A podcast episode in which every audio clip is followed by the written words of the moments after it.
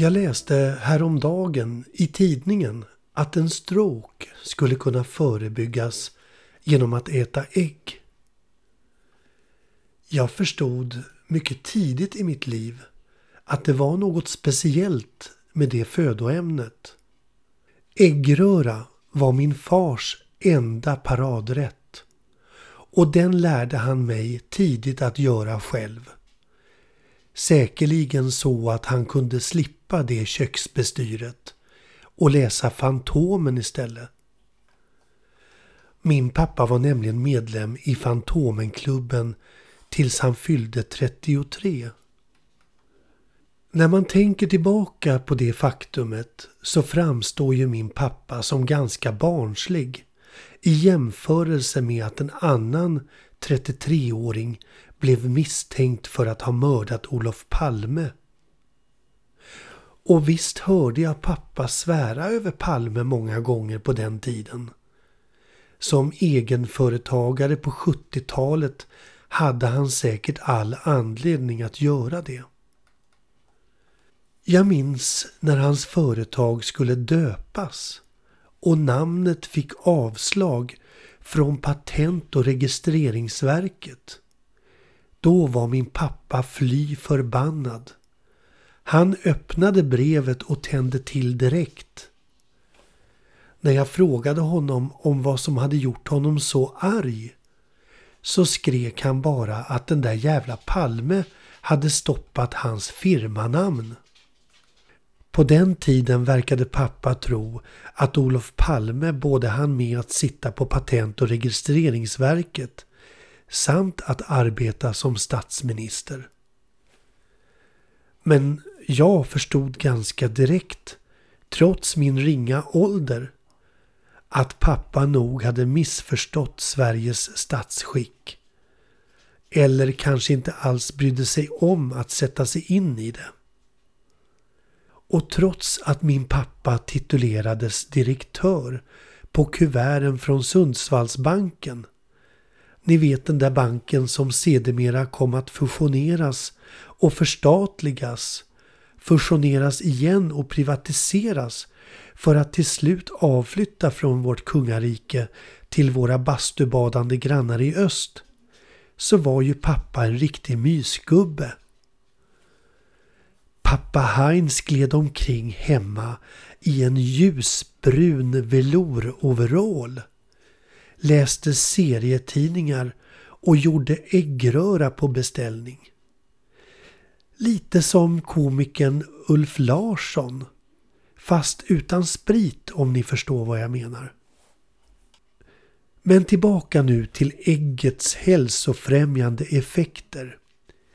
Min vän Kurt har en något ansträngd ekonomi och ringde mig en dag för att låna min äggkläckningsmaskin den som ser ut som Jacques Cousteaus undervattensfarkost. Bullig och gul samt med ett utbuktande runt fönster där man kan följa de första stapplande stegen i de små kycklingarnas liv. Han försvann med den och ringde mig en månad senare. I bakgrunden hördes ett fasligt pipande och pickande. Och medan vi pratade så slängde Kurt ut foder på köksgolvet till de hungriga kycklingarna. Men nog om detta, för det jag ville berätta om Kurt är att han efter att ha skaffat höns åt åtminstone 30 ägg om dagen och ändå drabbades han av en stroke. Att laga till en välsmakande äggröra blev också min paradgren. Ett sorts farsarv som jag haft mycket nytta av genom åren. Och om jag nu hade börjat jobba åt kungafamiljen så kan jag garantera att min fars äggröra hade omtalats bland världens kungahus och furstendömen. Men framför allt tror jag av kungabarnen och hade säkerligen till och med nått ända fram till Ockelbo. Äggröra alla Heinz. För så heter ju min pappa.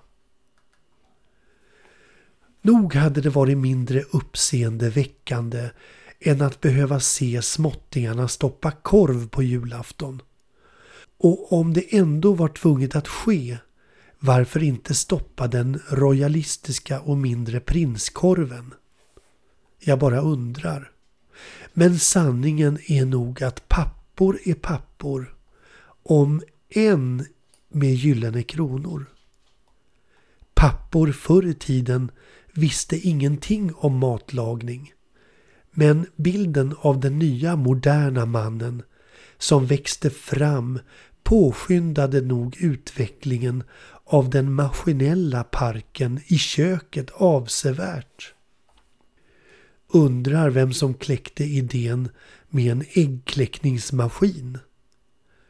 Och undrar om vi i framtiden kommer att ruva våra egna barn i maskiner. Var någonstans skulle i så fall en dylik apparat placeras?